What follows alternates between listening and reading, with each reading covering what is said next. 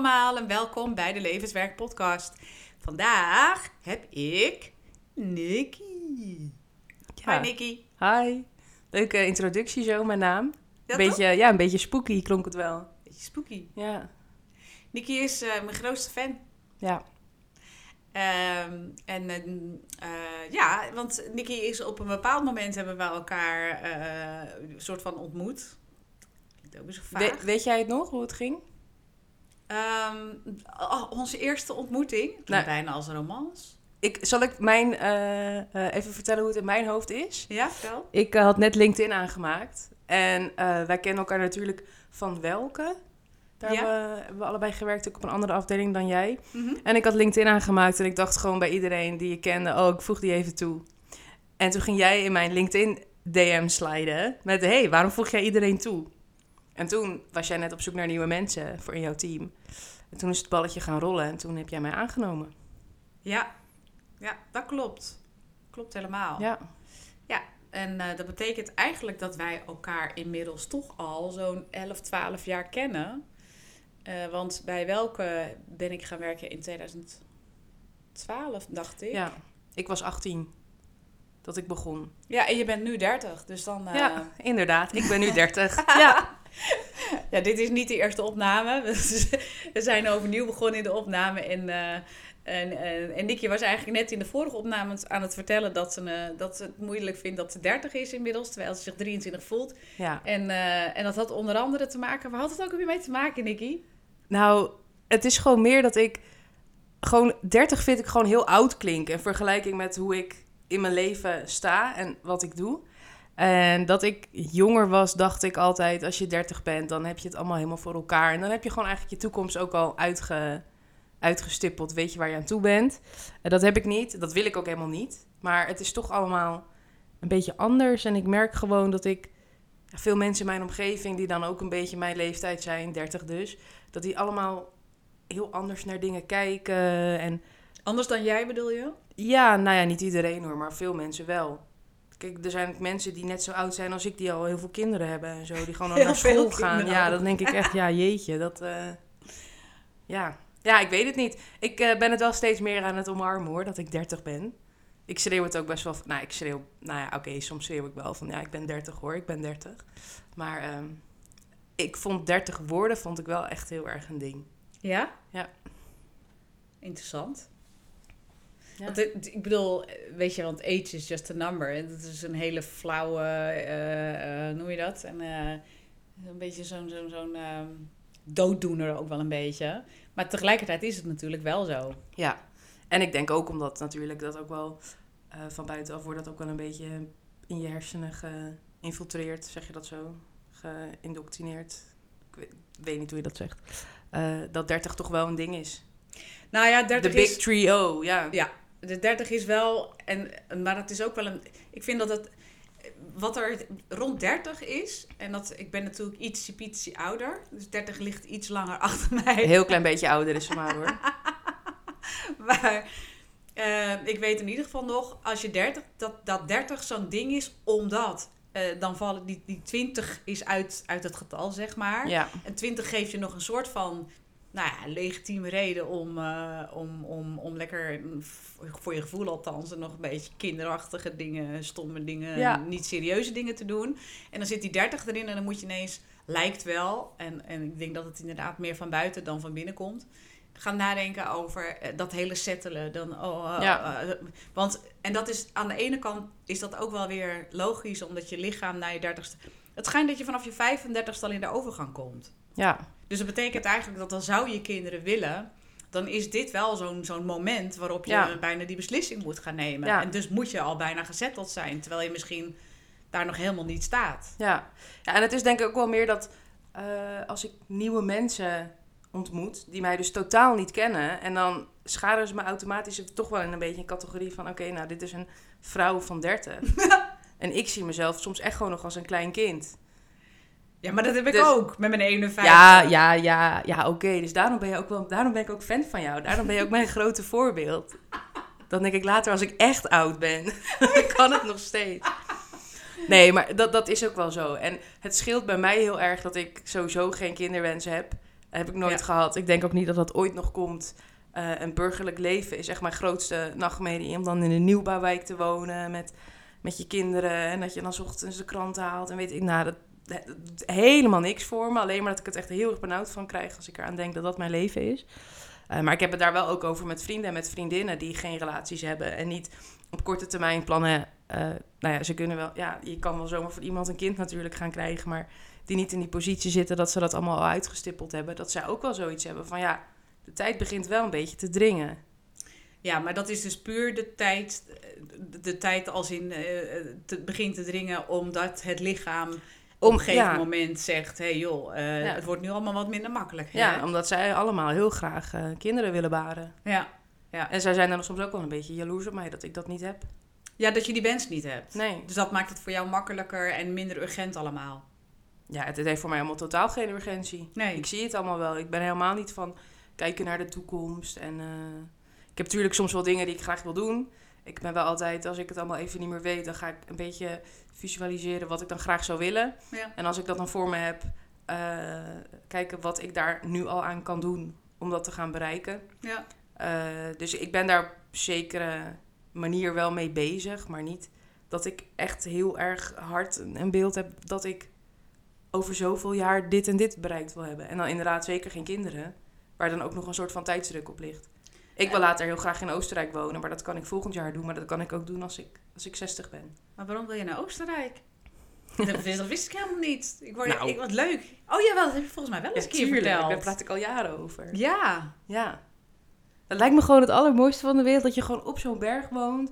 In zo'n zo'n leuk Oostenrijks huisje met zo'n balkon met van die hartjes in dat hout. en van die geraniums sowieso. En gewoon, kijk, dan hoef ik ook niet meer te werken. Dus ik moet er wel voor zorgen dat ik dan tegen die tijd genoeg geld heb om dan niet meer Maar te je- werken. Kijk je B&B vol winter, winter Ja, daar ben ik vandaag mee begonnen.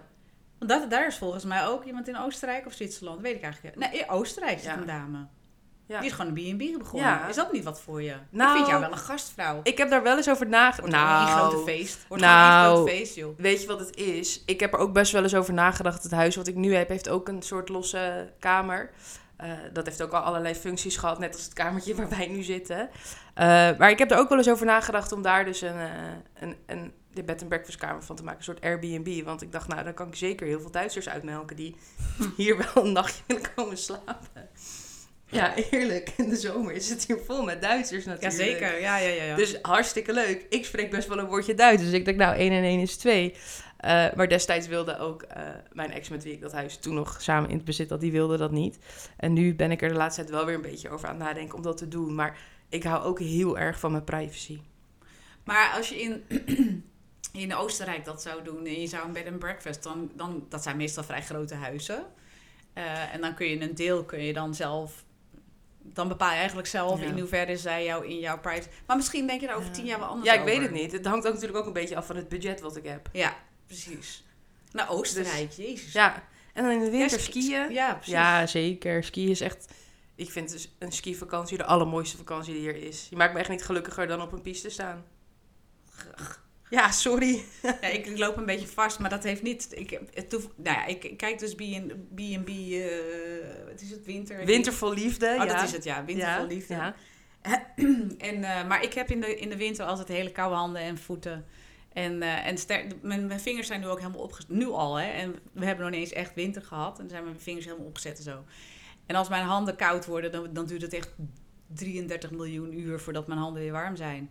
Dus, ehm, eh, maar er is ook geen cel in mijn lichaam dat op het moment dat ik die mensen daar zie skiën, dan dat niets gaat aan in mijn lichaam. Dus mijn Oh. hele lichaam schreeuwt, nee hoor, nee hoor, doe maar niet. Gaan we lekker naar de Ja, warmte. maar kijk, je, je kleed je daar geskiet, hè? sowieso naar. Ja, maar je kleed je daar sowieso naar. Ja, maar Ik nog- heb skihandschoenen, die heb ik hier in Nederland niet aan. Ik heb het sowieso nooit koud. Dat scheelt. Ik heb het echt. Ik ben zeg maar.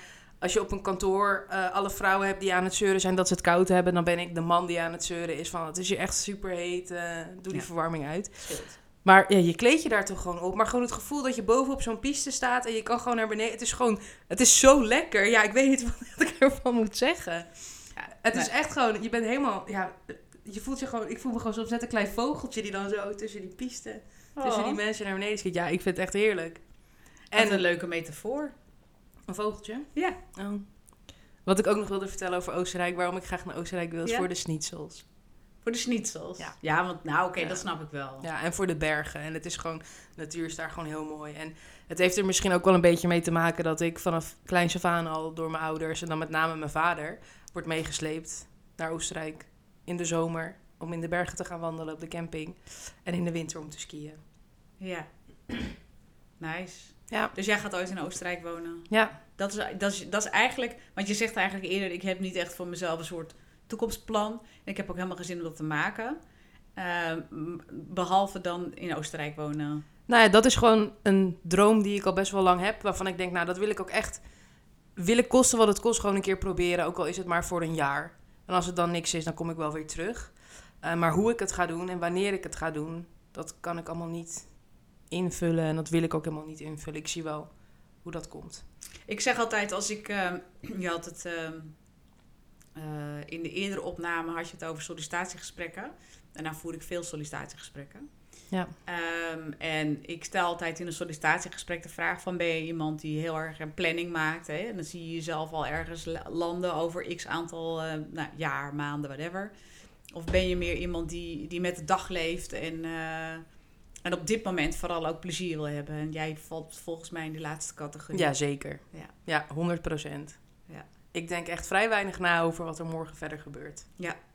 Ja, ik denk dat je dat heel goed doet. Soms misschien iets te wel. goed, maar je, je doet het ik ben een talent. Ja. Ehm, ja, eh, voor de luisteraar, Nicky en ik, want ik, ik, ben even, ik ben even kwijt in welke opname we hebben besproken dat we elkaar vanuit het, eh, oorspronkelijk vanuit het werk kennen. Maar Ja, dat was deze wel volgens mij hoor. Oké. Maar, eh, oké, nee, wij kennen elkaar dus al, al een behoorlijke tijd. En ik heb inderdaad, Nicky, oh ja, dat heb je net in het begin verteld. Eh, ik heb jou ooit aangenomen. Eh, eh, in mijn voorlaatste werkgever mocht ik een team gaan opzetten. En daar zocht ik op nou ja, mensen voor. En toen kende ik Nicky van, vanuit de werkgever daar weer voor. En toen ben ik haar manager geweest. En eh, ehm, ja, zo hebben we eigenlijk een band opgebouwd. En inmiddels is Nicky ook al enkele jaren een soort van buurvrouw. Nou is als je aan een dijkje woont, eh, eh, iedereen buren, maar tegelijkertijd niemand buren. Want ik ken niemand, ik ken alleen jou. ja, precies. Zo ongeveer. Ehm, ehm, maar eigenlijk bij alles wat ik doe, als ik, eh, ik, dit is het tweede bedrijf wat ik ben gestart. Bij alles wat ik doe, zegt Nicky altijd, oh, dan ben ik je eerste klant. Ja. En, en, en dat vind ik Ja. wel leuk. En, en ik zou het heel leuk vinden, want ik, ik heb Nicky dus uitgenodigd. Ik heb jou uitgenodigd, Nicky, om deze podcast samen te doen. Eh, enerzijds natuurlijk omdat je heel spontaan zei, ja, ik wil wel in de podcast. Maar Nee, Oh, nu nee. lijkt het net of ik heel opdringerig was. Nee, zeker niet. Nee, nee, nee. Je was gewoon ik zal de- wederom de eerste die reageerde. Ik zal de waarheid even vertellen voor jouw luisteraars. Liane die zocht mensen voor in de podcast. Dus die had iets op Instagram geplaatst over wie er eh, zou willen komen spreken. Maar wel ook gewoon mensen die ook een beetje hetzelfde doen. En gewoon wijze mensen. En toen heb ik gezegd, want ik zeg altijd dat ik inderdaad Liane's grootste fan ben. Als je je grootste fan wil hebben, dan kom ik wel langs. En dat die jij je geen twee keer zeggen. Nou, Nee, dat is ook niet waar. Dat kwam een tijdje later. hmm. Maar dat komt. Ten eerste vind ik het interessant, eh, zelf interessant om te weten waarom ehm, jij mijn grootste fan bent. Ehm, Ik heb een paar veren mee hoor, die zal ik zo pakken. Ehm, maar ja, tegelijkertijd, nou ja, als jij vertelt waarom jij mijn grootste fan bent, daarmee. ehm, ehm, want ik heb eigenlijk ook tegen jou gezegd, nou, misschien is het wel leuk. Ik wilde graag ook zelf een keer geïnterviewd worden in plaats van dat ik eh, de andere interview. Dus misschien is het leuk om elkaar eh, dan een beetje te interviewen in de podcast. Ja. Dus, dus dit is eigenlijk de uitnodiging aan jou om vooral vragen te stellen die jij denkt, goh, nou, dat heb ik altijd al eens van Liaan willen weten. Of in de zin van, jeetje Liaan, waarom ben je eigenlijk de dingen aan het doen die je aan het doen bent? En waarom, wat doe je dan? Ja. En, en dat soort dingen meer. Ehm, maar ja, dus andersom stel ik jou de vraag, ja, wat maakt jou, eh, wat maakt jou mijn grootste fan? En laat ik beginnen met te zeggen dat ik het wel ook echt, echt leuk vind, omdat... Nou, we hebben verschillende keren ook al kaas met elkaar gegeten en wijn met elkaar Ja. gedronken. Ja. Ehm, en in die zin ehm, eh, ben je dus wel een, een soort, op een bepaalde manier een soort mini-me, zeg Ja. maar. Ja. Ehm, eh, dus, dus, en vaak is het natuurlijk wel zo dat als je klikt met mensen, is dat omdat je heel veel herkenning in elkaar ziet. Klopt. Ik heb ook inderdaad echt wel dat ik eh, toch wel een beetje opkijk naar dat jij gewoon altijd. Volgens mij is het in jouw hoofd heel chaotisch. dat heb ik ook. En als jij dan inderdaad denkt van dit wil ik gaan doen. En het blijft een paar dagen in dat kopje rondzweven. Dan moet het ook op een gegeven moment worden uitgevoerd. Dat denk ik. Mhm. En dat vind ik wel vet. Dat wil ik ook. En dat heb ik op zich ook wel. Alleen heb ik dan niet altijd de wilskracht om iets daadwerkelijk uit te voeren. Ehm, maar inderdaad, ook waar we dus eerder over hadden, wat ik ook heel leuk aan jou vind, is dat jij je ook gewoon nog. Ja, hoe moet ik dit nou zeggen? Dat het niet. Nou, het klinkt sowieso niet lullig, maar gewoon dat jij niet een doorsnee vrouw bent van 51, die eh, vergeten is dat je ook gewoon leuke dingen kan doen. En dat je ook gewoon. Jij bent soms ook kinderachtig. ja. Ja. Dus dat geeft mij hoop. maar dat, eh, dat, dat, dat vind ik, ja. Ja. Ja. En wat ik me wel afvraag is... Want wij kennen elkaar natuurlijk nu al wel ruim tien jaar. Mhm. En voorheen heb ik je altijd gekend als gewoon eh, een vrouw die een fulltime baan had voor een baas. Ehm, een beetje saai werk, denk ik. Nou ja, maar in ieder geval saaier dan wat je nu doet. Ehm, of dat jij toen ook al een beetje kriebels had om wat meer voor jezelf te gaan doen en wat dichter bij jezelf te gaan kijken wat je leuk vindt. Want daar hebben wij het eigenlijk nooit echt over gehad. Ik weet niet wanneer dat is en ik volg nu heel veel van jouw eigen ontwikkeling, maar toen niet. Dus wanneer is dat nou gekomen? Dat vraag ik me af. Nou, ik ben eigenlijk altijd wel met, ehm, als je het hebt over persoonlijke ontwikkeling. Ik maak eigenlijk, ik, ik denk dat het goed is om het verschil te maken. En dat is in ieder geval wat ik nu heb gemerkt.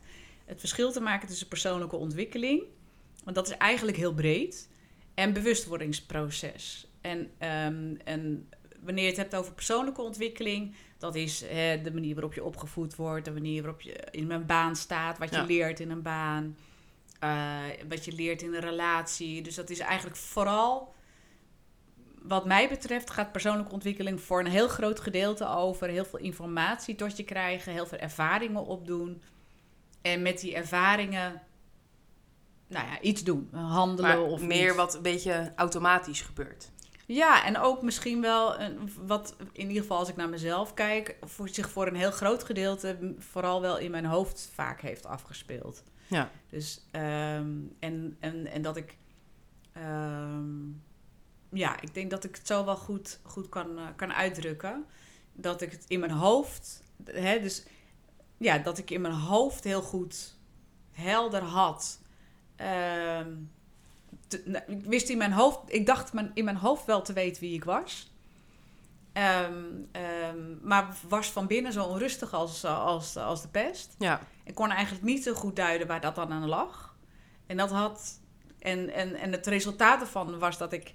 Want dat jonge en dat speelse wat erin zit, dat, dat kan ik nu veel beter begeleiden. Want ik was. eh, eh, en dat is een stukje wat ik ook in jou herken en in, in sommige anderen die ik, eh, die ik ook nog vanuit de, die jonger zijn dan mij. En die ga ik niet bij namen noemen, maar. eh, Dat kan achteraf. ja, precies. Ehm, maar die, die, dat het bijna recalcitrant bijna is. Hè? Dus dat, het, dat, dat, dat er dus bij mij nou ja, iets uit moet. Omdat ik het eigenlijk moest. Omdat ik, het, omdat ik er niet op de juiste manier bij kon Ja. komen. Dus ik zat nog te veel in mijn hoofd. En de afgelopen, denk ik...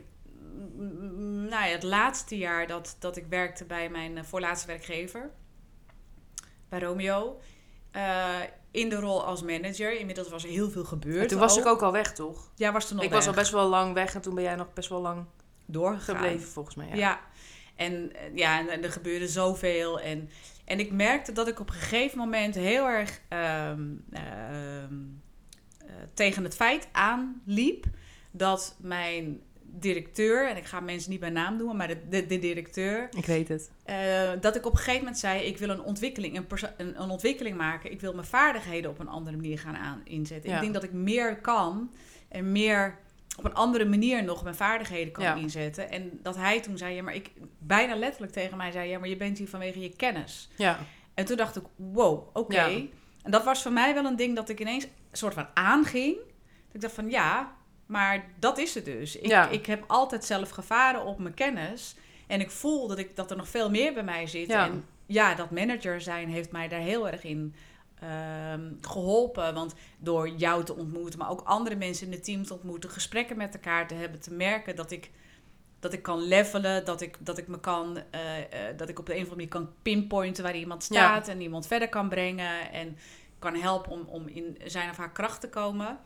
Ja, dat hielp mij, dat heeft mij natuurlijk, dat heeft iets aangezet. Ja, Dat werd daar niet, her- daar niet herkend of erkend. erkend meer, denk ik. Ik denk, jij bent echt by far de beste manager die ik ooit heb gehad. En ik weet zeker dat iedereen die toen in der tijd in dat team zat, dat met mij eens was. Oh. Maar meer omdat je inderdaad... eh, je voelde je, eh, zeg maar... Ik weet nog wel al die hokjes daar. En als we dan weer een keer in gesprek gingen... Ik was ook wel eens boos op je, hoor. Jij zou vast ook wel eens een keer boos op mij zijn geweest. Kan Maar als we dan- geen actieve herinnering Nou, ik wel hoor. Ehm, jij hebt mij een keer gebeld dat ik iets niet had gedaan met een hypotheekofferte toen het zo druk was. En toen ging jij mij bellen na werktijd. En toen moest ik dat thuis nog gaan doen. En toen voelde ik mij net zo'n zo'n kindje dat terecht werd gewezen. dat weet ik nog heel goed. Ik ook. Maar goed, terzijde. Eh, dat je inderdaad wel, ook als je met jou sprak, dat het ook wel ging over hoe gaat het met mij. En niet, ik ga even vragen hoe het met Nicky gaat, want op werkvlak moeten we dit en dit en dit bespreken. Dus dat is ook inderdaad echt wel wat jij goed kan, met mensen praten. Ja, en, dat, en dat, daar is wat geactiveerd. En dat is denk ik ook de reden. Want ik, op een gegeven moment ben ik ook bij die werkgever... Heb, ben ik de switch gaan maken. En toen dacht ik, ik ga niet meer... Ik ga me dus niet meer gedragen naar wat... Waar, want daar zat ik ook heel erg. Ik ga me niet meer gedragen naar wat ik denk dat de ander van mij verwacht. Of wat de ander eigenlijk me door de strot duwt. Ja. eh, eh, van me wil zien. Maar ik ga, nu, ik ga nu zijn wat ik van binnen voel. Dus daar ga ik veel meer naar luisteren. En toen begon het te, te, te wringen. Ja, En toen ben ik ontslagen en dat is eigenlijk het mooiste wat me zou kunnen Ja. overkomen. Ehm, eh, want dat was, dat was een hele mooie aanzet om, om die. En, en na- dan komen we nu tot het bewustwordingsproces, om dat bewustwordingsproces in gang te zetten. En toen ben ik in eerste instantie ben ik een eigen hypotheekadvieskantoor gestart, zoals je weet. Het was Ja. ook mijn, eh, nou, niet, mijn eerste klant, geloof ik. Ja. Maar eh, wel, Wel toezegging. Ja, precies. Ja, wel wel snel. van, nou, zodra het, zodra Ja. het kan, dan... ja. ja. Ehm, en, en dat was ik gestart. Daar zat niet helemaal de juiste motivatie achter. Maar dat, dat zat nog een beetje op dat niveau van... ja, dit is wat ik kan. precies, dit kan je. En nu ga ik voor mezelf iets doen. En ja, hypotheek heb ik altijd al gedaan, dus waarom ga ik daar dan niet mee door? Exact. Ja, Maar waar ik eigenlijk naar op zoek was... was juist die, dat contact en die verbinding maken. En dat stukje wat ik als manager zijnde heel erg leuk vond. Ehm, en ineens, ik, dat, ik kwam bijna nog aanwijzen wanneer het gebeurde. Dat was eh, vorig jaar eh, mei. Ja, we zitten nu in, 2000, in 2022, in mei. Toen zijn, of juni, begin juni was dat. Toen zijn ehm, Erik en ik ehm, redelijk onverwacht. We zouden eigenlijk niet op vakantie gaan. En toen gingen we alsnog een weekje Oh ja. naar Frankrijk. oh ja, ja. Eh, en ehm, Daar ben je helemaal veranderd. dat jij terugkwam, opeens helemaal een hippie met verwilderde haren en okselhaar en vieze teenslippers. Ja. Nee, dat is niet waar. Maar die vakantie heeft wel iets aangezet. En, want, want in die vakantie, toen, toen zei ik ineens, ik ga stoppen met mijn, met mijn bedrijf. Dus dat was toen dat advies, hypotheekadviesbedrijf, eh, advieskantoor. Eh, ik ga stoppen met mijn bedrijf, maar ik heb nog een afspraak staan. En dat is, was bij mijn, waar ik nu werk, bij die werkgever. Ik heb daar nog een afspraak staan en ik wil, ja, ik ga sowieso naar, naar die afspraak toe. En ik wil toch wel weten wat dat dan mij, mij gaat brengen. Ja, Dat was ook een, een heel sterk gevoel. En dat was, daar is het bewustwordingsproces gestart. En toen ben ik allerlei dingen gaan doen om dat verder te activeren. Dus ik ben ehm eh, truffelsessies gaan doen. Ja. Ik eh, ben... eh, jij hebt pas een midlife crisis. ja, dan is Nee, het zo. grapje. Ja, grapje. ja, als het zo... Je zou, misschien Nee. is het wel zo. Ik Ja. weet het niet. Maar ik ben in ieder geval... En ik heb familieopstelling gedaan. Ik ehm nou, afgelopen twee weken geleden voice dialogue training gedaan. Eigenlijk allemaal manieren om... eh, ik, ik ging eerst naar de voetreflex ehm, eh, eh, therapeut, heet dat geloof ik. Ja. Maar wat doet hij dan? Nou, die, die, Met naalden of zo? Nee, die drukt onder, op bepaalde punten onder je voet. En dat kan zijn om lichamelijke klachten op te lossen. Maar het kan dus zijn ook om mentale klachten Je chakra's. te activeren. nou ja, on, het zal je verbazen wat er onder je voet zit. Als je bij spreken op het plekje, weet ik veel, in die, in die holte een beetje drukt. Dat zit dan, uh, geloof ik, je nier- of je darmniveau. Nou, het heeft echt, uh, ik, ik ben echt verbaasd geweest over het effect Oh. wat dat, uh, ja, jij bent daar minder van. Maar, Nee, ja. um, maar goed, dus ik heb verschillende dingen gedaan om, um, en, en, en uiteindelijk voor mij, dat heb ik in een andere podcast ook verteld, voor mij werken op dit moment die truffelceremonie is het beste, omdat ik heel erg graag, uh, ja, ik wilde dus, mijn hoofd, er zit zoveel, ja, laten we zeggen, kennis of zo in mijn hoofd. Ik heb zo lang op mijn hoofd kunnen, kunnen, kunnen varen, Mm -hmm. dat ik, uh, ik, dat mijn hoofd zich heel snel overal maar mee ging bemoeien. Ja. En zo'n truffelceremonie, nou... Dan kan dat niet. Nee, dan is het gewoon Nee. liggen, lapje op je ogen. En ervaren. de chocolaatjes, Ja. die, die doen hun werk. En je gaat ervaren. En ja, ja ik heb daar ook wel uh, dingen die mij nog in de weg zaten, die heb ik wel uh, kunnen laten varen. Ja. En het interessante is dat ik, ik ben vorig jaar dus recruiter geworden bij mijn huidige werkgever. Nou, dat is een baan waarvan ik echt dacht, nou, dat is, dat, dat, dat is echt... Uh, Verschrikkelijk. Dat ga ik nooit doen. Precies, dat zijn echt de meest erge mensen die er op de, op de planeet bestaan, recruiters. Maar dat is dus net hoe je het invult. Um, en het is dus ook dat, ja, bijna een soort godsgeschenk. Want ik mag elke dag gesprekken voeren Ja. met mensen. En ik mag vertellen wat ik bij ze waarneem. En dat blijkt heel, heel waardevol te zijn ook. Dus ik krijg heel veel terug van de sollicitanten van... oh ja, wat, wat fijn dat je dat zo benoemd Ja. hebt. En, dus ik leer daar heel veel van. Maar het heeft ook mij ertoe doen besluiten... om nu mijn eigen bedrijf Levenswerk te starten. Ja. Ik ben daar blij mee hoor. Ja, want ook bij Levenswerk was jij... Ik was, ik was jouw proefkonijn eigenlijk, toch? proefkonijn. Ja, Ja. het eerste gesprek wat ik voerde was met, was met jou, ja. ja. Ja. jij was best wel zenuwachtig volgens mij. Ja, ik vond het wel, spa- ja, wel spannend, want wij hebben natuurlijk altijd meer gewoon, ja, gewoon lekker, gewoon. Ik vind wel dat wij altijd wel ergens, er, het ergens over Ja. hebben met elkaar. Dus Ja. het is niet, wij, we hebben geen onzingesprekken Nee, of zo alleen maar. Nee, klopt.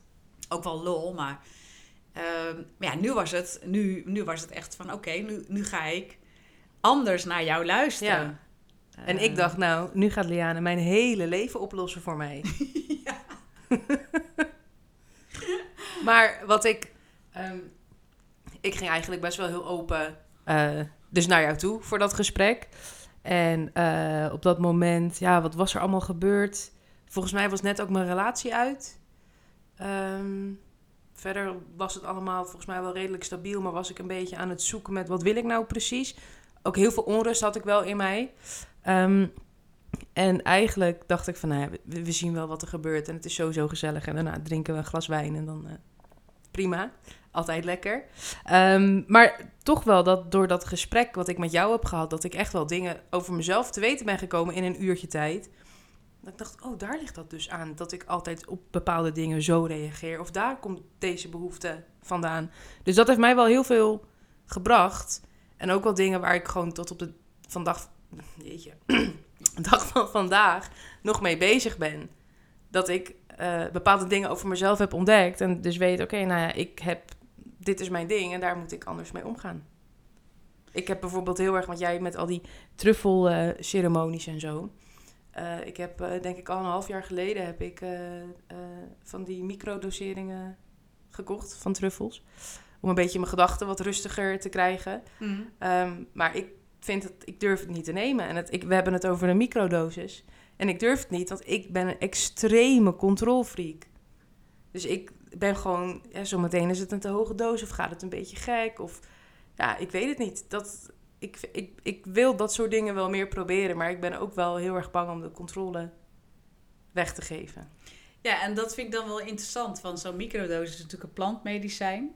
Ja, Ehm, en ehm, ehm, zonder ook weer te veel details, maar... eh, eh, er gaan wel wat chemischere dingen ook eh, het lichaampje in. ja, precies. Waarvan, en dat grappige is dat ik juist... Daar voel ik juist een ontzettende drempel. Ik heb nog nooit harddrugs gebruikt. Ja. En ik noem dat dan even harddrugs. Ja. Ik heb nog nooit ecstasy gedaan, MDMA, eh, laat staan eh, coke of speed. Ja. Dat gaat bij mij mijn lichaam allemaal niet in. En ik moet wel zeggen, nu, nu begin ik er ook gewoon niet meer aan. Nu vind ik het gewoon niet meer niet nodig, zeg Mhm. maar. hoe zeg je dat, niet nodig. Ik heb niet die behoefte Nee. om, om te experimenteren meer Nee. daarin. Maar vroeger wilde ik het niet, omdat ik bang was dat ik het te lekker vond. Ja, Dus het was voor mij nog niet eens. Ik heb dus ook, want dat vind ik dan wel interessant, als ik bijvoorbeeld met jou zit te praten, met andere vriendinnen zit te praten die daar ook eh, eh, regelmatig eh, gebruik van maakt. Ik heb daar he- helemaal geen oordeel op of zo. Want Nee. ik denk, joh, doe lekker waar, waar je zin in hebt. En als het voor jou, weet je, als jij daardoor een betere, leukere avond hebt of dikke wat, joh, helemaal prima. Nul, echt nul oordeel erover. je zet me wel een beetje weg als een kleine junk.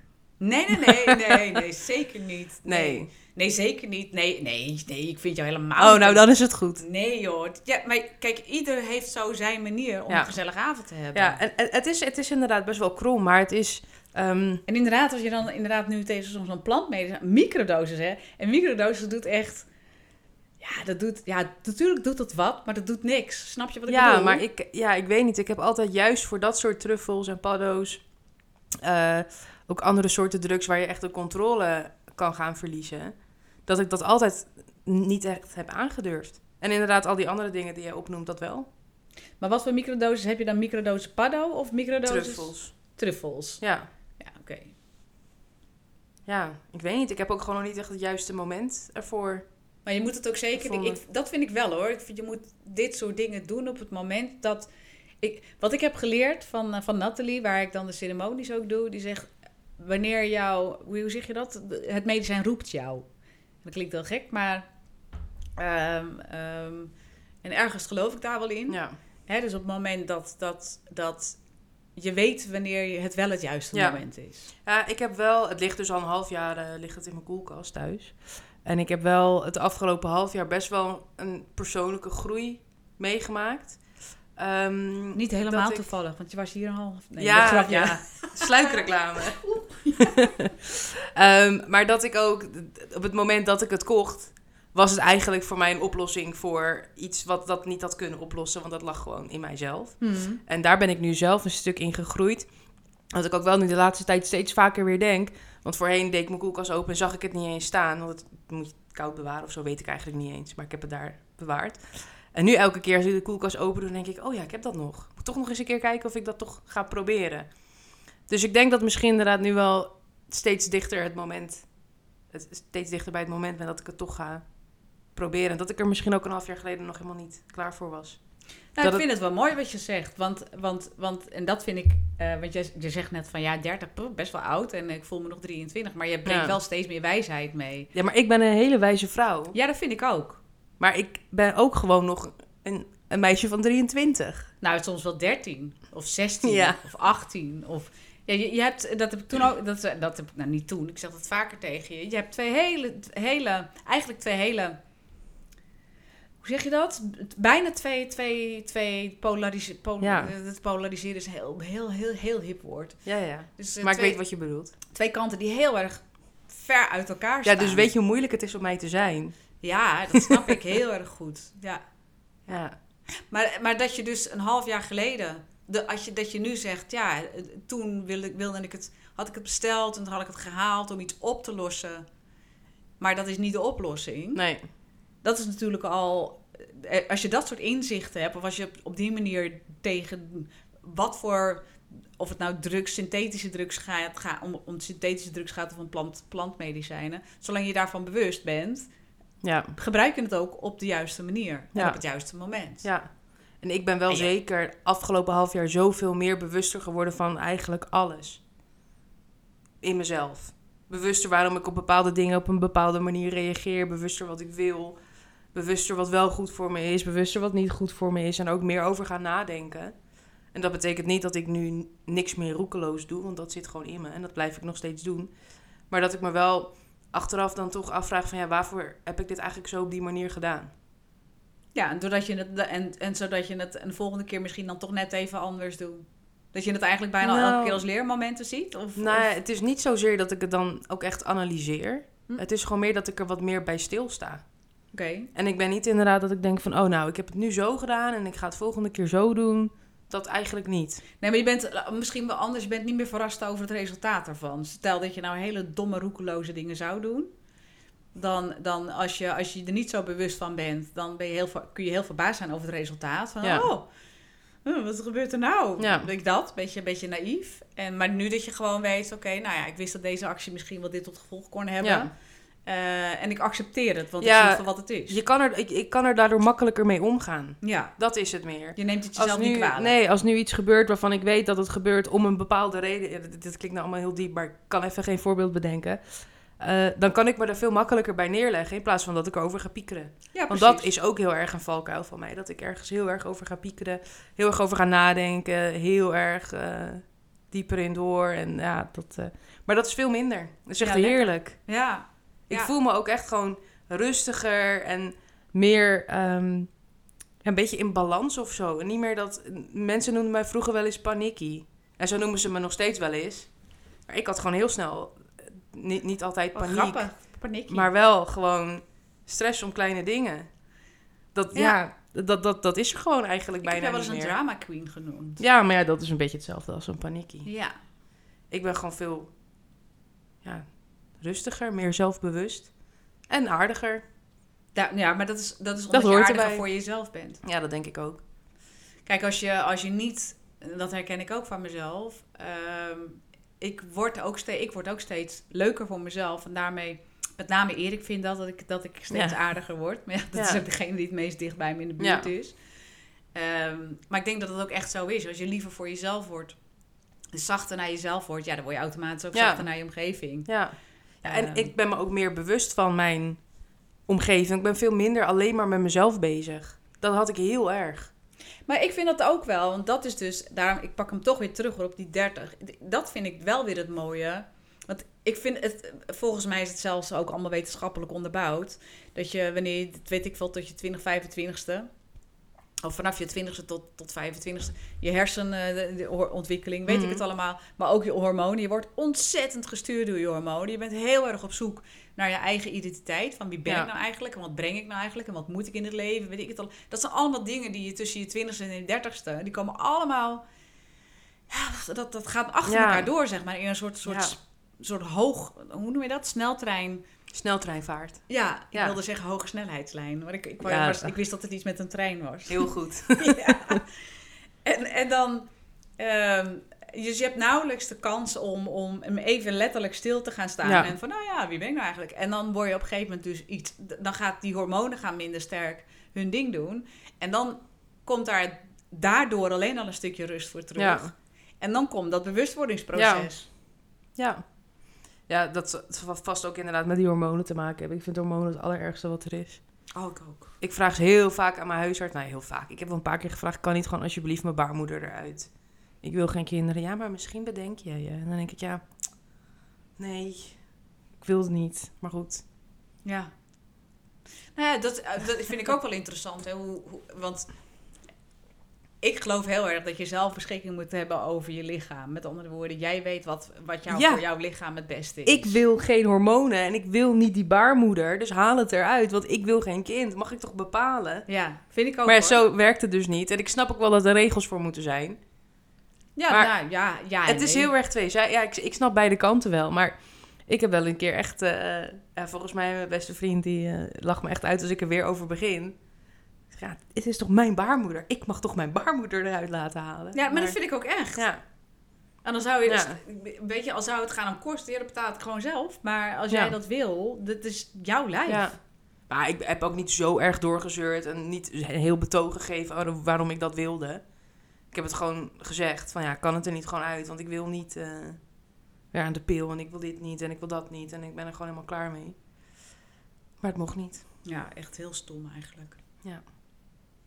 Ja, nee, ik, wat ik zeg, ik geloof inderdaad heel erg in, eh, weet je, nogmaals, je kent ik, dat, hetzelfde als jij naar, bij een dokter komt ehm, eh, en sowieso met klachten bij een dokter komt. En, en eh, ehm, ik denk dat te weinig mensen echt dat contact nog met hun lichaam hebben. Ja.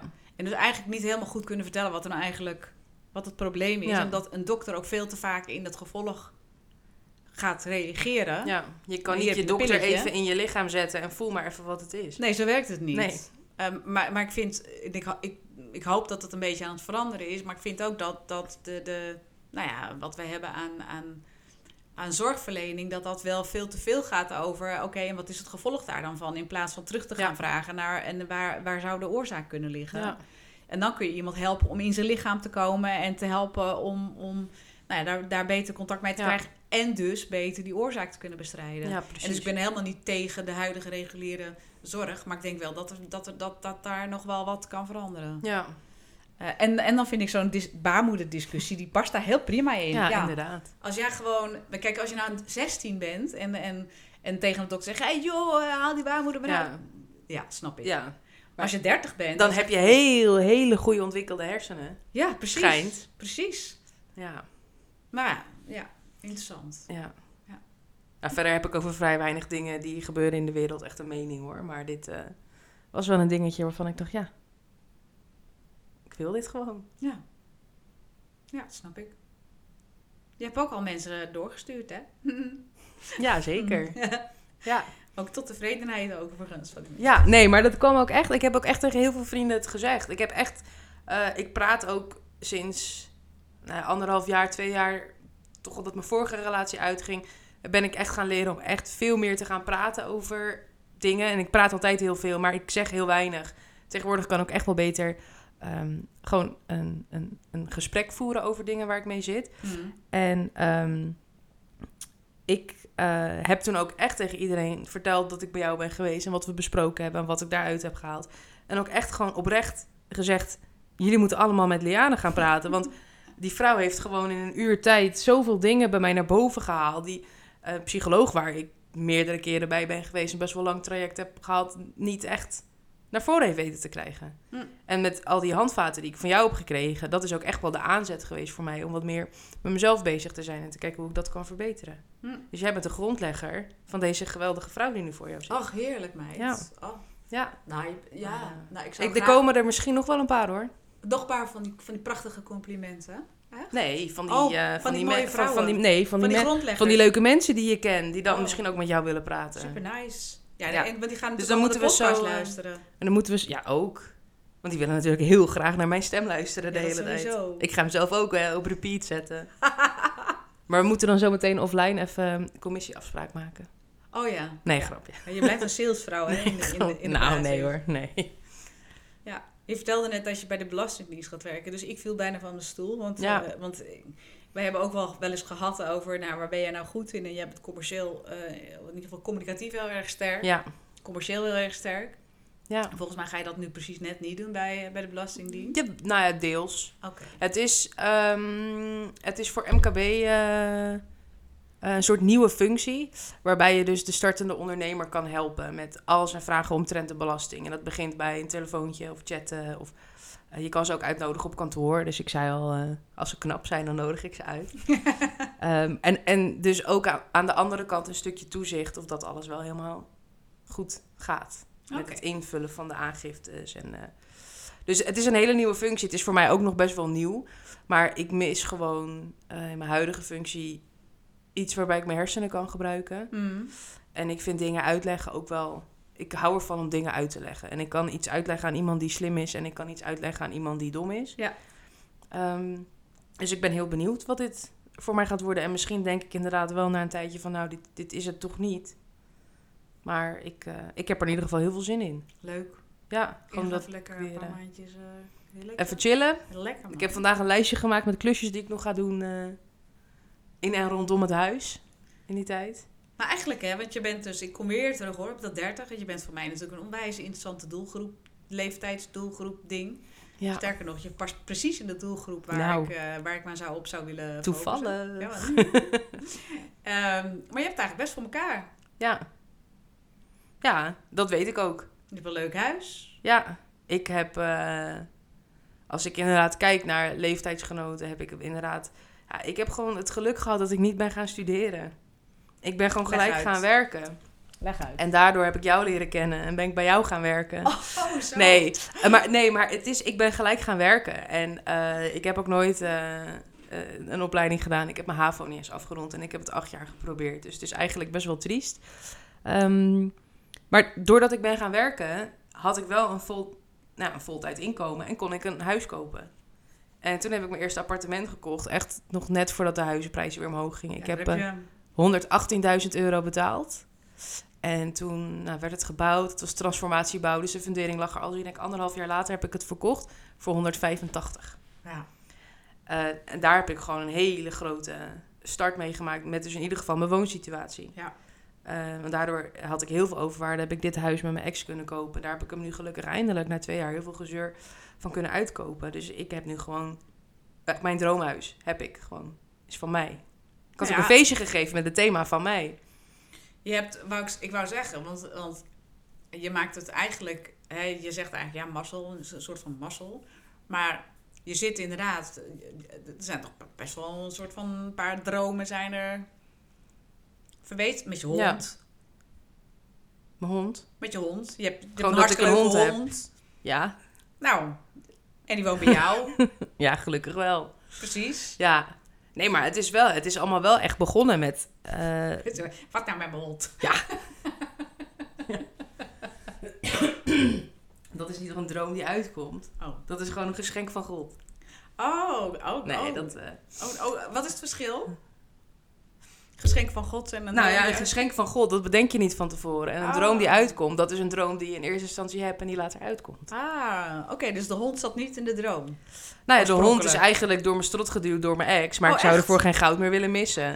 Oh, dat wist ik helemaal niet. Joh. Ja, ik dacht dat nee. dat. eh, oh. Ik, wilde, ik wilde eerst helemaal geen hond. Oh. Ik zeg, we hebben nu net het huis en er is zoveel verplichtingen en ik hou heel erg van mijn vrijheid. Ik wil kunnen doen en laten wat ik wil. Ik dacht, geen hond. Maar ja, een week later gingen we kijken bij puppies.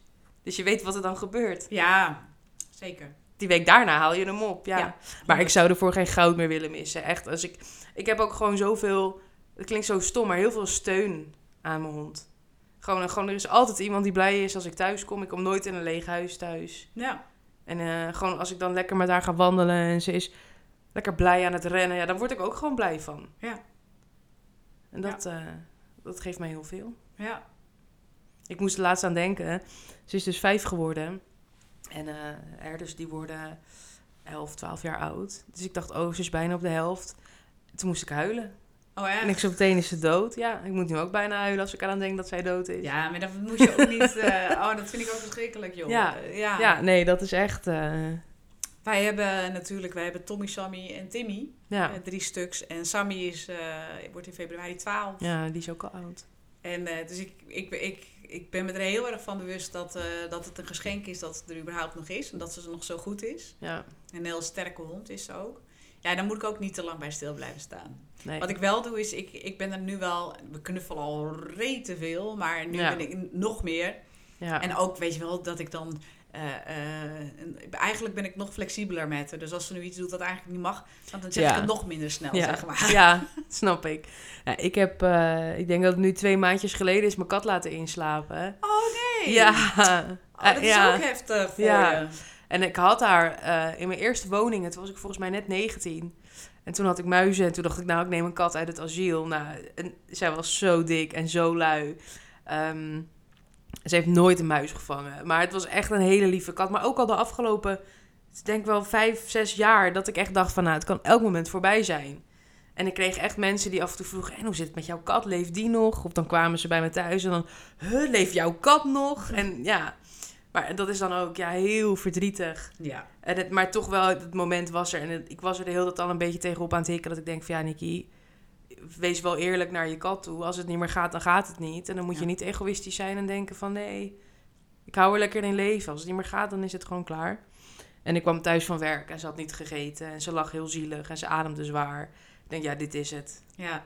Af. En toen heb ik de dierenarts gebeld. En toen, maar dat was de eerste keer dat ik ging uitspreken, willen jullie mijn kat inslapen? Oh. janken aan die telefoon. Maar ze waren wel heel lief daar. Maar eh, ja, het is gewoon zo lastig. Ja. Lastig ding. Dat is het lastige van, eh, van huisdieren. Ik, de- aan Ja. de ene kant dat ze je... Ik heb in ieder geval heel erg van huisdieren, van mijn honden... eh, eh, heel erg geleerd wat onvoorwaardelijke liefde is. Wat mij betreft staat een hond Ja. daar helemaal 100% ehm, eh, symbool voor. Ja, Ehm, en ik weet het, als je, een, als je een, een, een bioloog vraagt hoe een honden, hond in elkaar zit... en een gedragswetenschapper van honden die zegt... ja, het zijn allemaal opportunisten. Maar tegelijkertijd zijn ongelooflijk sociale dieren. Dus voor mij staan ze voor onvoorwaardelijke liefde. Ja. Maar je weet dat je altijd, je, je ja, in, altijd, in, in, in een, wat is normaal? Ik vind alles is tegenwoordig ingewikkeld om uit te drukken, maar normaal gesproken tussen aanhalingstekens word je 80, weet ik veel. En in die 80 jaar, eh, of 90 misschien wel, weet ik veel. En, maar je weet dat je, dat je als je je hele leven honden hebt, dan, dan ga je Ja, die gaan gewoon acht, eerder negen, dood, ja. Ga je, ga je Ja. eh, begraven. En een Ja. kat, nou, met een beetje mazzel wordt een kat 20. Met een beetje pech wordt hij veel minder oud, wordt Ja. hij aangereden. Ja, dat weet je, dat hoort erbij. Maar het, is een risico van het vak. Het is ziek. Ja, Maar het ge- risico, ja. Je krijgt er zoveel voor terug. Ja, zeker. Dat zeggen mensen altijd over baby's, toch? Ja. ja, dat herken Ja. ik dus ook niet. Want ik heb ook nooit baby's Nee. gebaard. Dus ik... eh, Nee. Nee, ik had de mazzel dat ik ze als puber kreeg. Dat was nog veel leuker. Dat is wel handig. ik zeg ook altijd tegen mijn vrienden. Ik, eh, ik zeg, pas als jullie kinderen kunnen praten, dan ga ik ook pas oppassen hoor. Ik zeg, ik hoef niet al die baby's en weet ik veel wat allemaal. En ik zeg, ik, ga- ik, ik word gekke tante Nikki. Ik ben laatst door de vader van eh, een goede vriendin van mij, die zei, oh, zij wordt later echt zo'n tante seks. dus ik, ik ben nu tante seks. Oké. Dus, eh, nee, maar ik, eh, Ja. nee. Nee. Nee, geen baby's. Nee. Nee, ik herken dat. Ik ben, ook, ik ben ook bewust... Hoe zeg je dat? Enerzijds bewust, anderzijds niet zo bewust. eh. ik heb altijd een haat-liefde verhouding gehad met, eh, met, met, met, met kinderen. Ja, Dus mijn moeder zei, vertelde laatst... Ja, jij wilde nooit kinderen. Toen dacht ik, nou, zo zwart-wit. Eh, ik weet dat ik namelijk... Dat ging bij mij ongeveer met het jaar. Ik wil ze niet, ik wil ze wel. Ja. Ik wil ze niet, ik wil ze wel. En op een gegeven moment, toen wilde ik ze wel, toen lukte het niet. En eh, dat was mijn ex-partner. En toen, eh, en toen dacht ik op een gegeven moment, nou, nou wil ik ze niet meer. En, Ja. en toen leerde ik Erik kennen. Toen wilde ik ze weer wel, toen lukte het niet. ja, En toen dacht ik op een gegeven moment, ja, nou ben ik, toen was ik ook 40. Toen dacht ik echt, Ja. ja, maar kom op, nu is het klaar. ja. Maar het enige wat ik wel heb, en dat is, dat is omdat ik nu wel die twee meiden in mijn leven heb, die dan, ja, die, al, die voed ik al op sinds 10 en 12 zijn. Dat ik wel zoiets heb van, oké, ik, ik, wat grappig is namelijk, ik herken heel veel van mezelf terug in die twee meiden. Dus ja. daar, daarmee eh, blijkt dan toch wel dat, dat opvoeding... Dat dat een heel groot onderdeel is. Maar dat denk ik ook zeker. ja, Maar ik denk ook dat jij heel makkelijk door mensen en dus ook door eh, je bonusdochters dan echt wel als een soort rolmodel wordt gezien. Dat denk Ja. ik echt wel. Nou ja, dat, dat zeggen ze wel. Ehm, dus ehm, eh, ik, ja, laat, ik daar maar, la- laat ik dat voor waar aannemen. Ehm, maar ik heb, ik heb wel ook wel eens gedacht van... ja, maar hoe zou het dan zijn als een eigen kind? Hoe zou nou een kind van mij, zeg maar? Dus, en, en Erik natuurlijk, want die Die zou er- terror zijn hoor, een kind van jou. Dus zou continu echt met mezelf geconsulteerd worden. Ja. Oh, joh, joh, joh, joh. Ja, dat lijkt me wel heftig, ja. Ja. Hmm. Ja. Maar goed, ehm, als, eh, als echte millennial... Nee, je bent geen millennial. Wat ben je Jawel, ik ben weer? een millennial. Millennial, oh ja. ik, ik claim altijd tegen mijn vrienden dat ik Gen Z ben, omdat ik me zo voel. Maar ze worden zo boos als ik zeg nee, ik ben Gen Z. Nee, je bent millennial, Dus nee, ja. ik ben een millennial, ja. Ja, want Gen Z is eh, de leeftijd tot 25, hè? Nu, geloof ik. Wat is het? Oh, ik dacht nog jonger, ik weet het 27, niet. weet ik het. Ik. Anywho, ehm, echte millennial. Ja. Met echte millennial eh, issues. Ja. Ja, vind je dat? Wat zijn, wat zijn nou echt typische, volgens jou, echte millennial issues? Ik denk... Ga ik even een, ga ik even een zoutje weer eten? Ja.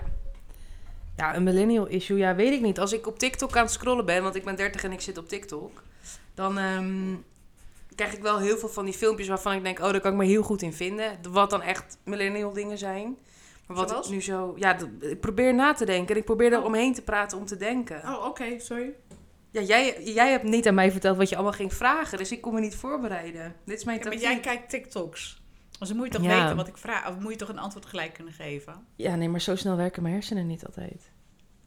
Mag ik een keer een voice dialogue sessie met je doen? Ik weet niet wat dat is. Ik heb. ehm, het is heel. Ik vind het. Ja, het is heel gaaf. Oké. Ik heb dus die drie, drie. Kun je ondertussen even nadenken over je TikTok-filmpjes? Lief, hè? Ben je, niet, ben je nog aan het opnemen? Ben je nog aan het opnemen dan Zeker of niet? ben ik aan het opnemen. Oh. Ehm, maar ehm, ik eh, heb dus een basistraining gevolgd, Voice Dialogue. Omdat ik gelijk, toen ik erover las, eigenlijk gelijk enthousiast werd. Want wat is het?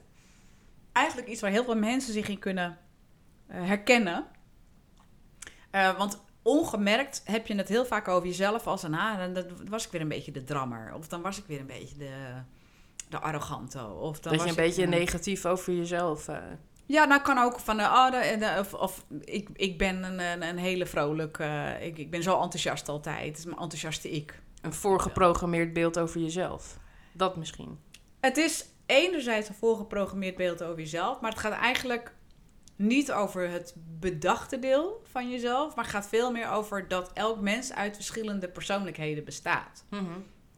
En dat, eh, dat je door je leven heen, de ervaringen die je eh, hebt meegemaakt in je leven, dat je daardoor bepaalde persoonlijkheden groter maakt. Ja.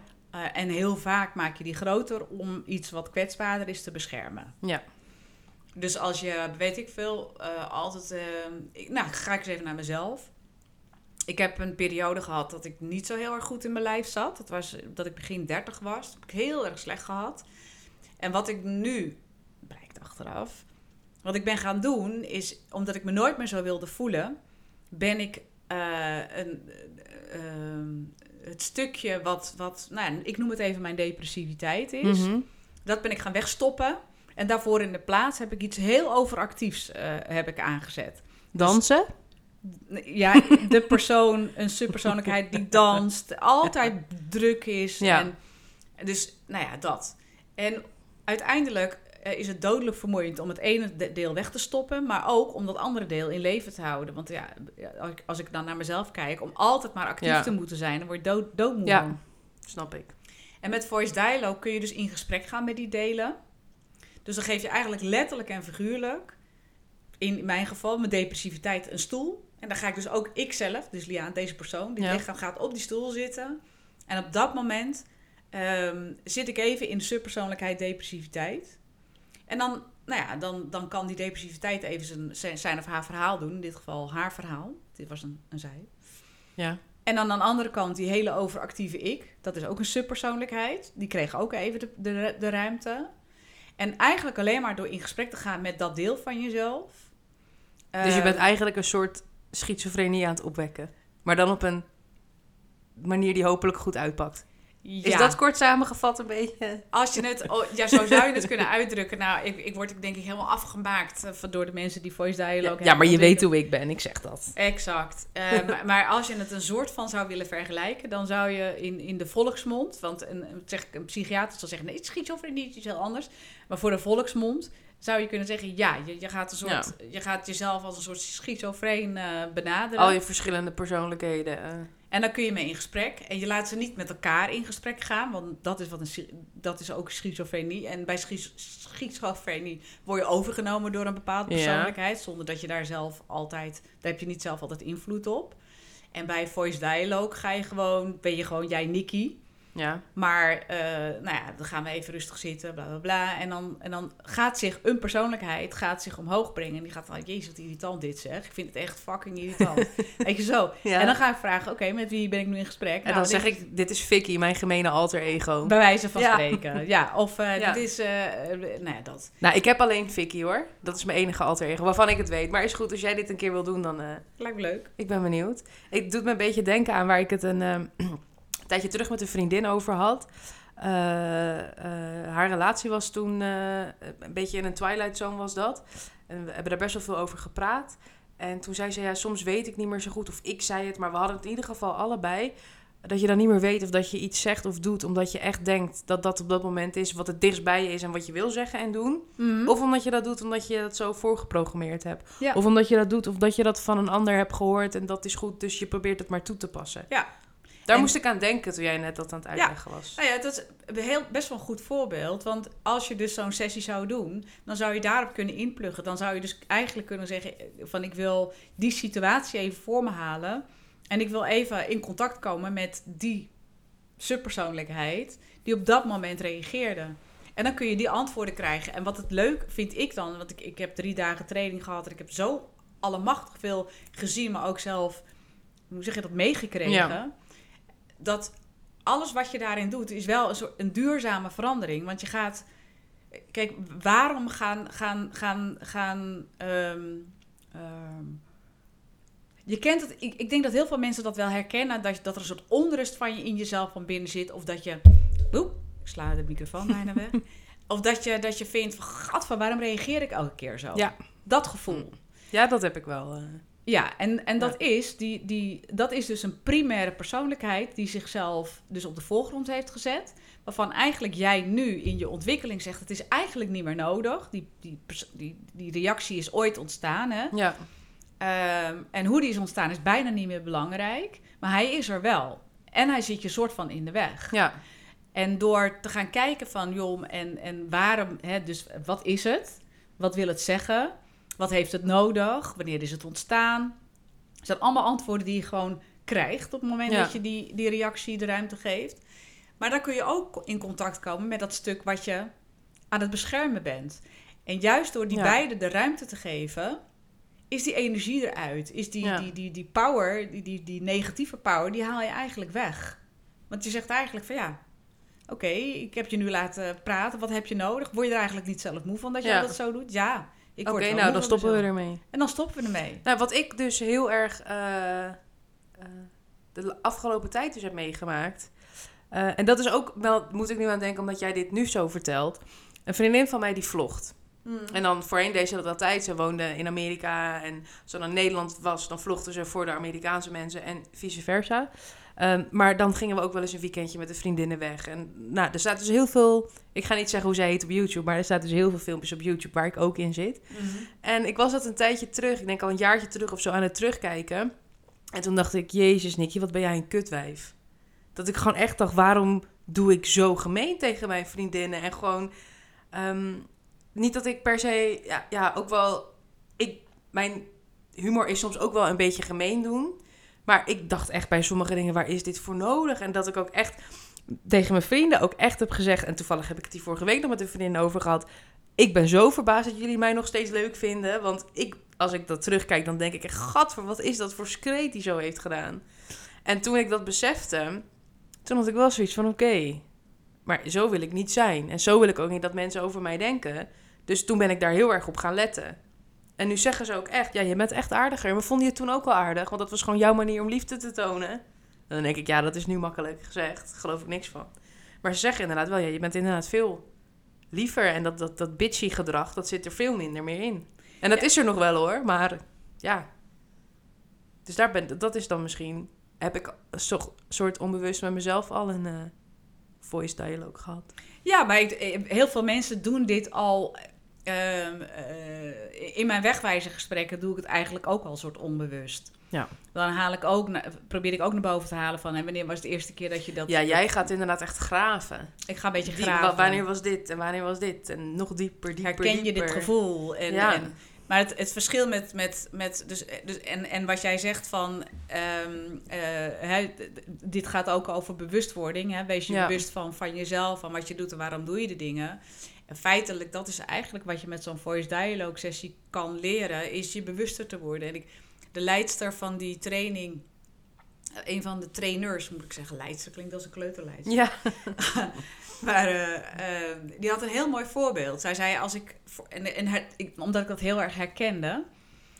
zij vertelde van, ja, voorheen als ik een ruimte binnenkwam, dus een gezelschap binnenkwam, toen was het altijd woe, heel druk en zo. Ja. En ze zegt, ik voel mezelf echt zo stom op zo'n moment. Ja. Dat herken ik heel erg. ja. Ze zegt, of ik kwam een ruimte binnen en ik, nou, ik kroop het liefst een hoekje bijna, zo ongeveer. Herken ik ook. ja. Ehm, eh, maar ze zegt, ik had in ieder geval het gevoel dat ik niet de keuze had. Dus ik werd gewoon op dat moment, werd ik die hele drukke, Ja. jolige, overdreven, eh, zie iedereen mij wel, of die, die hele teruggetrokkene. En ze zegt, "N- door, door dus bewust te zijn van wat er gebeurde, heb ik nu een keuze. Als ik nu een gezel- gezelschap binnenkom, dan kan ik eerst even een soort van aftasten van, hé, hey, hoe voel ik me? ja. En op basis daarvan dan mijn gedrag gaan aanpassen. En dat is natuurlijk, daar gaat het uiteindelijk om. Ja. Dat je je bewuster wordt van, ja, wat doe ik nu eigenlijk? En waarom doe ik dat? Wat voor nut heeft dat ja, voor mij? precies. En, en het, het is ook vrij logisch dat dingen die je, weet ik wat, 2, 3, 4, 5, 6, 7 jaar geleden deed, dat deed je om een reden. Ja. Voor dat moment hielp het jou. Ja, En nu denk je van, wat fuck, echt serieus. Ik denk dat, ik heb dat ook wel met heel veel dingen. Dat ik denk, jezus, Ja. ja, echt serieus, heb je dit gedaan? ja, ik weet door jou dat ik best wel erg in mijn pubergedrag ben blijven hangen met bepaalde dingen. maar goed, daar wordt aan gewerkt. Het gaat beter. Het gaat beter. Ja, maar alles, ja, maar alles gaat over bewustwording. En dat Ja. is wel, dat is wel als ik, als ik kijk naar ja, waarom ben ik mijn bedrijf nu gestart, dus mijn bedrijf Levenswerk gestart. En dat is echt wel vanwege mijn eigen bewustwordingsproces, maar ook om, om, om, om daar een steentje in bij te dragen in Ja. het bewustwordingsproces van anderen. En ehm, het is wel grappig, want ik heb heel vaak gesprek met Erik van, maar ik vind jou geen hulpverlener. Nee, ik ben ook geen hulpverlener. Maar ik vind het wel, ik vind interactie met mensen, dat vind ik wel heel erg leuk. Ja, En, en ook leerzaam. Ik, ja. Zo'n gesprek dat ik nu met jou heb, is voor mij ook weer heel leerzaam. ja, maar dan heb je ook wel iemand tegenover je zitten. Ja, dat is waar, ja. ja. Ik bedoel, eh, ja nee, maar ik, nee, maar.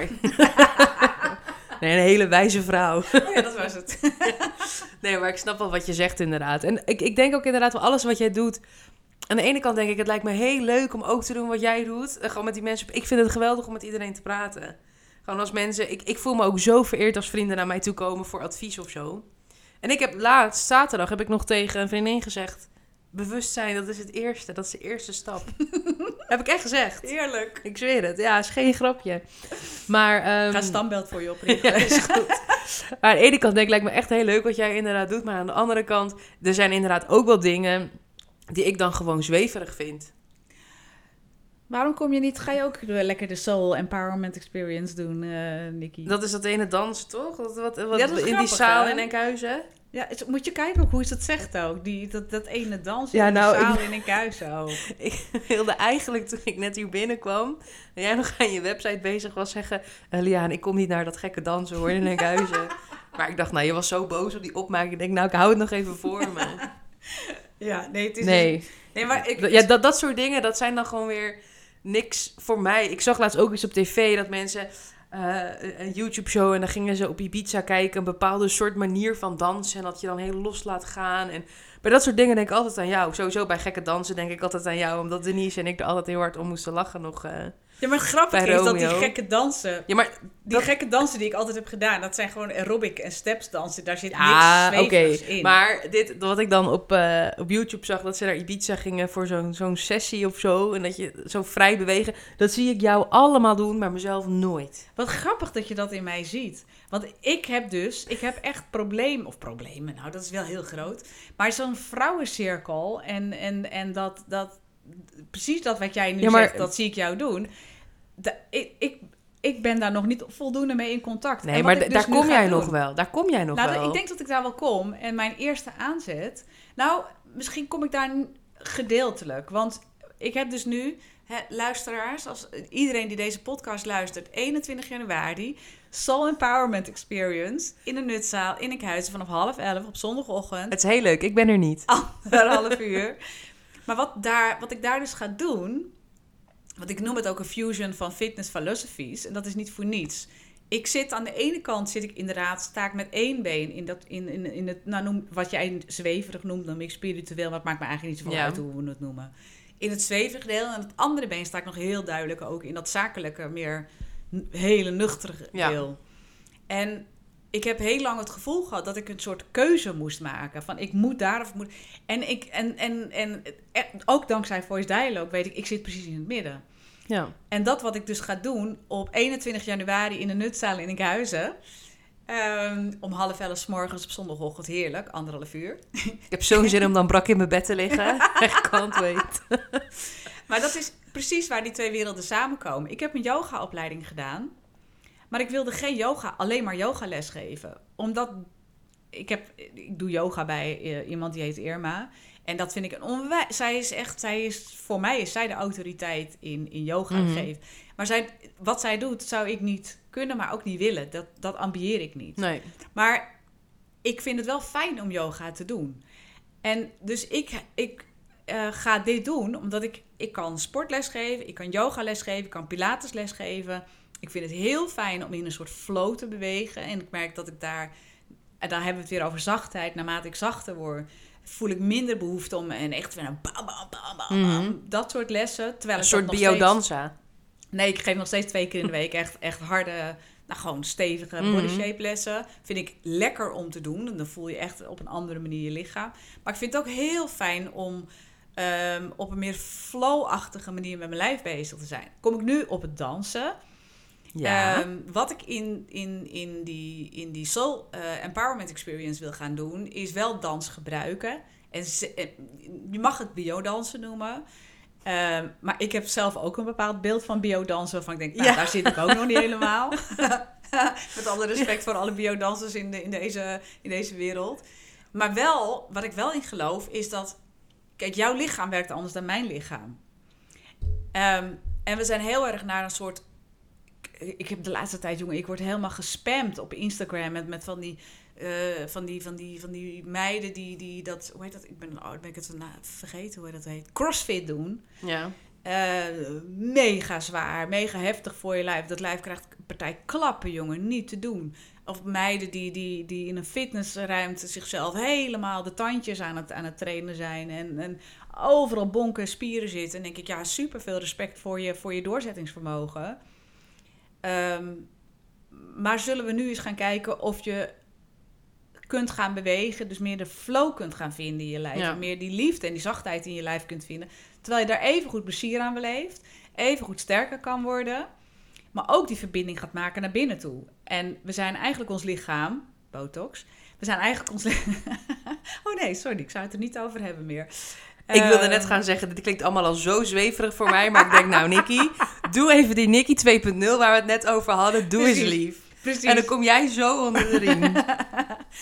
Nee, maar goed, beweging van binnenuit. En dat betekent dat, ja, ehm, eh, hoe zou het zijn om te bewegen van binnenuit? En inderdaad in een, in een, een combinatie van, van eh, yoga, pilates, maar ook body shape, dans. Misschien ook wel een beetje dansen, hard dansen of hard dansen. Dat, dat, dat is nog de verrassing.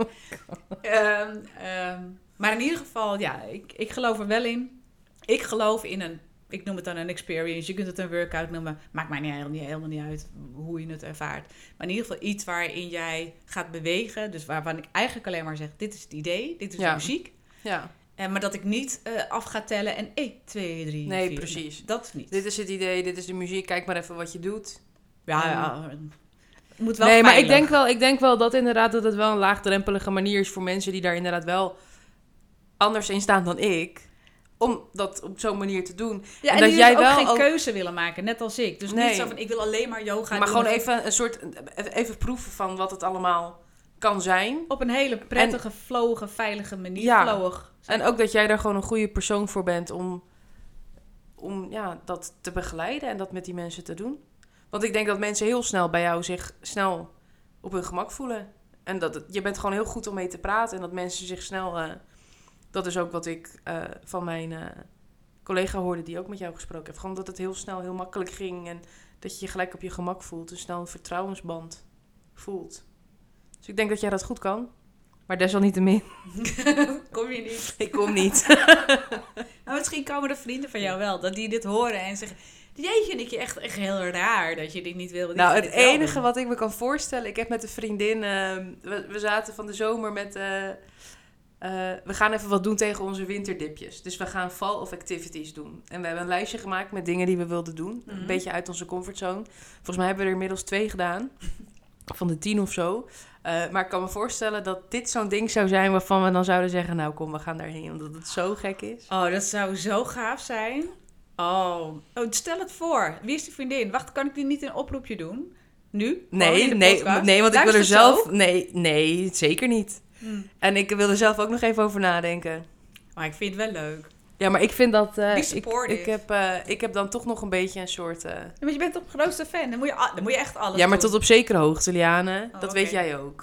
Ik maak je ook altijd een beetje belachelijk met die dingetjes. Ja, Maar dat is- kan. Dat is waar, dat mag ook. Ja. Maar eigenlijk, als je mij belachelijk maakt, maak je gewoon jezelf belachelijk, hè? Nou, ik eh, ben het zat. Step out of your comfort zone. Maar het, wat ik wel leuk vind, is dat je zegt, ja, dat is me te zweverig. Ik heb heel erg lang op dat, op dat ik heb heel erg lang Ja. dingen te zweverig gevonden en zo. Eh, maar ik vind dat er wel een beetje een zwevertje in zit. Maar je, ik denk dat, die, dat je nog een beetje in contact ermee mag komen. Oh, maar dat, ik, ik denk dat ook zeker hoor. Want ehm, dat wij ons gesprek begonnen, toen vroeg jij mijn eh, eh, geboortetijd en geboorteplaats. En toen dacht ik weer, oh nee, komt ze weer met zoiets geks. Maar dat was dus eh, human design, toch? Ja. Eh, dus daar ben ik meer over gaan lezen. En toen dacht ik wel, oh, nou eigenlijk best wel interessant. En dan merk ik toch wel dat, in- dat ik in eerste instantie gelijk weerstand heb van... ja hoor, komt ze weer met zoiets raars. Maar dat ik daarna toch denk, oké. En wat ook wel heel leuk is, is dat ik eh, de afgelopen tijd... Ik heb van die tarotkaart... Ja, ik weet niet of je tarot of tarot zegt. Iemand hoorde ik laatst zeggen Eh, tarot. ik vind het niet zo spannend hoor. What's in the name? ik vind tarotkaarten. Maar dat ik dat dan dus af en toe... Dan, nou, dan ga ik voor bepaalde situaties toch een kaart trekken of zo. Dan heel erg met manifesteren geloof ik heel erg in.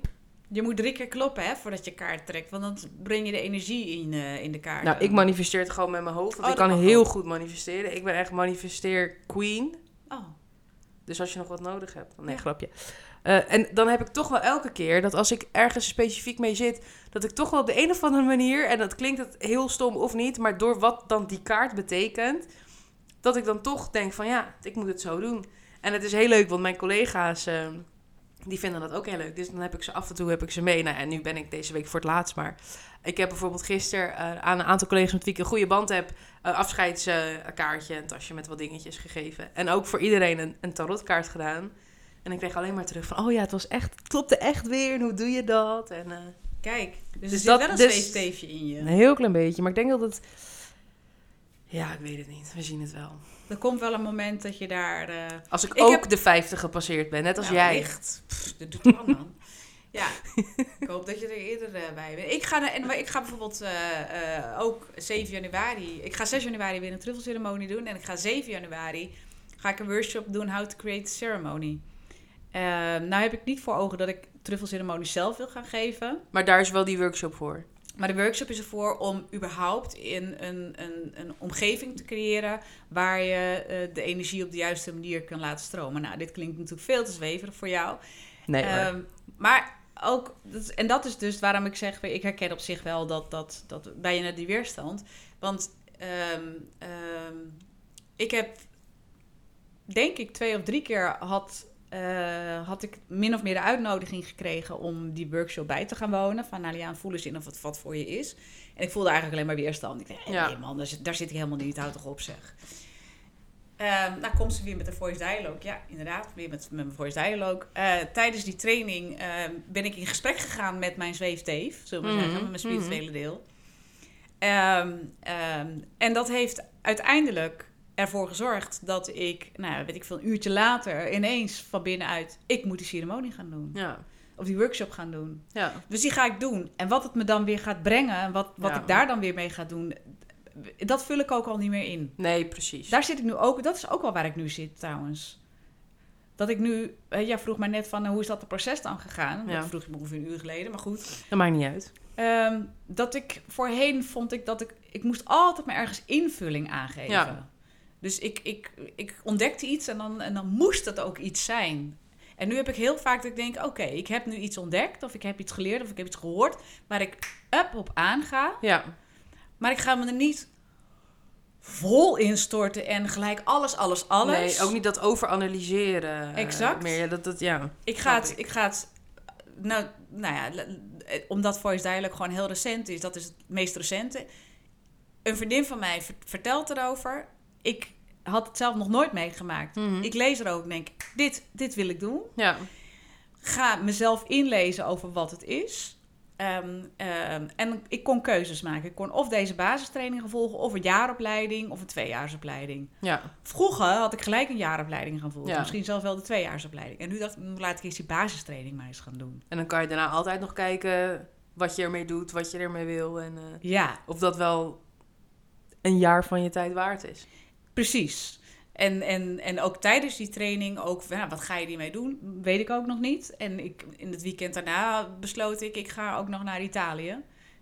Eh, acht dagen voor de, voor de Voice Dialogue. Ja, Maar niet omdat ik dat. Maar ik ging dat niet op datzelfde moment. Want dat kan ik, dat kon ik dan ook altijd wel doen. Om, om in het momentum van, oh, ik vind dit zo gaaf. En ik moet.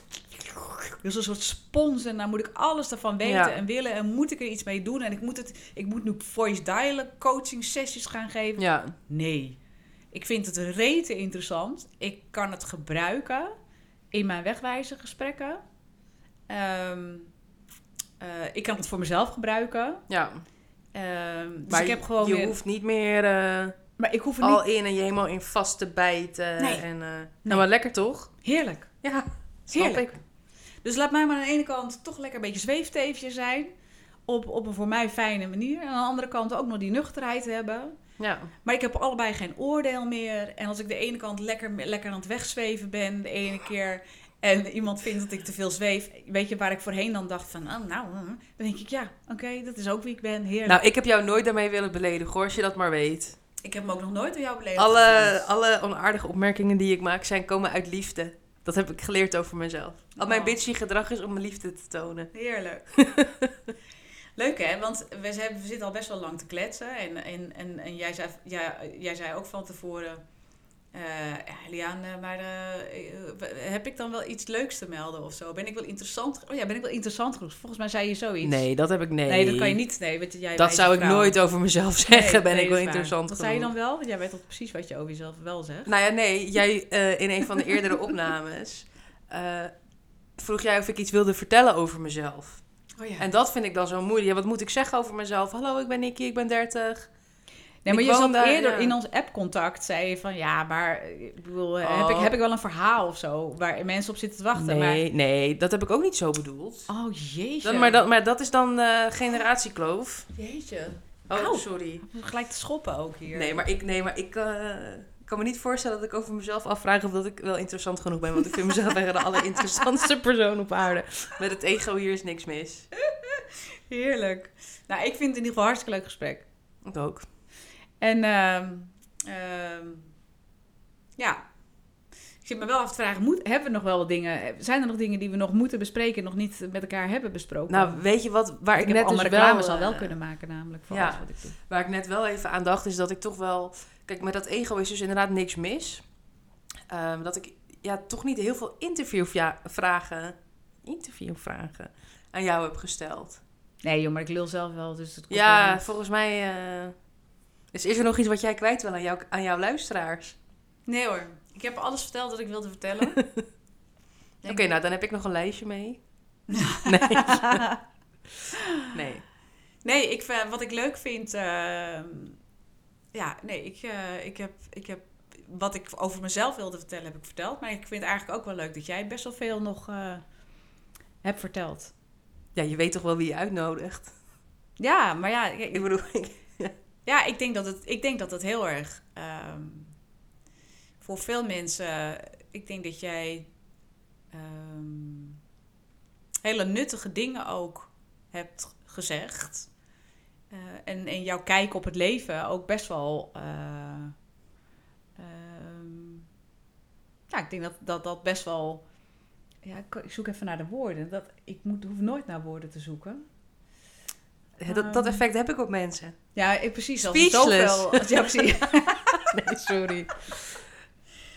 Nou ja, dat, dat is misschien. Ik, ja, dat is misschien ook wel. ehm, misschien ook wel een stukje herkenning ehm, eh, in jou. Dat ik, ik, wat ik. Wat ik zo ontzettend leuk in jou vind, is dat ik aan de ene kant, nou ja, dat, dat is toch die speelsheid, die, die, die, dat, dat, dat hem, eh, het eigenlijk ook wel een beetje willen schoppen hier en daar. Ja.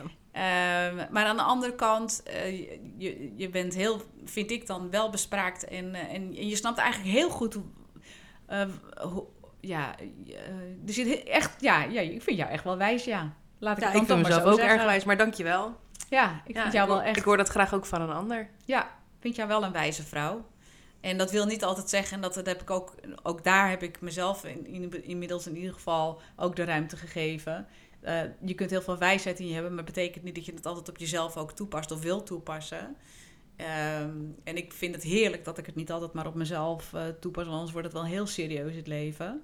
Ja. Ehm, maar ik, ik vind het tegelijkertijd wel lekker om, om wijsheid te hebben. eh, om dus, wat jij eigenlijk net al zei, dat stukje, weet je, dat je je bewust bent van wat je doet. En dat je ziet wat je doet. En dat je, nou ja, dan evengoed nog bewust keuzes kunt maken in Ja. goede of minder goede dingen.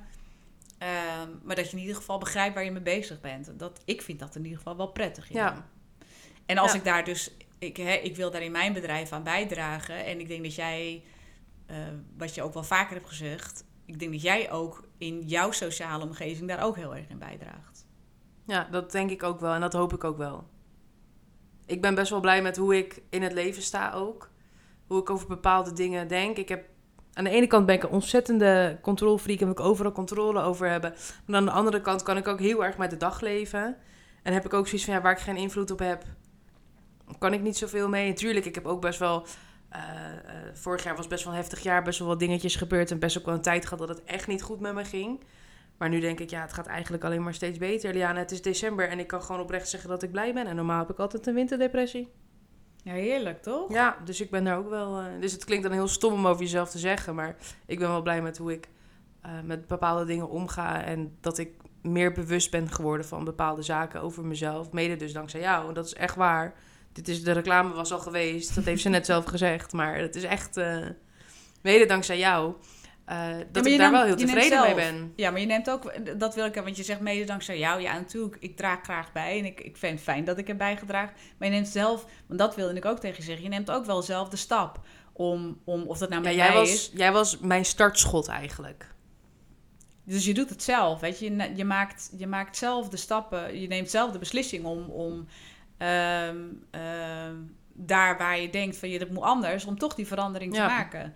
En dan heb je misschien, nou ja, misschien is het mazzel, misschien niet. Maar la- laten we het even zeggen dat, het, dat je de mazzel hebt, dat je de wijsheid in huis hebt, dat je kunt zien dat je dat nodig hebt. Ja. Er zijn heel veel mensen die dat gewoon niet zien, die het gewoon niet begrijpen dat ze, nou ja, dat ze iets of iemand nodig hebben om verder te komen. Ja. Ehm, en ik denk dat, dat, dat ook jij, en ik probeer dat op mijn manier, maar dat ook jij daarin kan bijdragen om juist bij ook die mensen een stukje bewustwording te creëren. Nou, we gaan het meemaken. Ja, ik denk dat je het al doet. Als je nog een keer stagiaire nodig hebt. ik ben binnenkort ambtenaar, dus ik heb heel veel vrije dagen. Kom ik echt met alle liefde een dagje meelopen. Nou, dat Ja. lijkt me een mooie afsluiter, Nicky. Ja. Van deze Ik, ik moet ook heel nodig plassen alweer. Oké, nou, goed plan. Ehm, thanks, leuk. Ja, ik, jij ga bedankt. afsluiten. ik ga hem zo afsluiten. Hij is nog niet gestopt hoor. Oké. Dus, Ja, ik weet niet wanneer het gaat stoppen. nee, we gaan eerst even netjes afsluiten. Dankjewel, Nicky. Dankjewel, Liane, dat ik hier mocht komen. Je mocht plassen. Dag. Doei.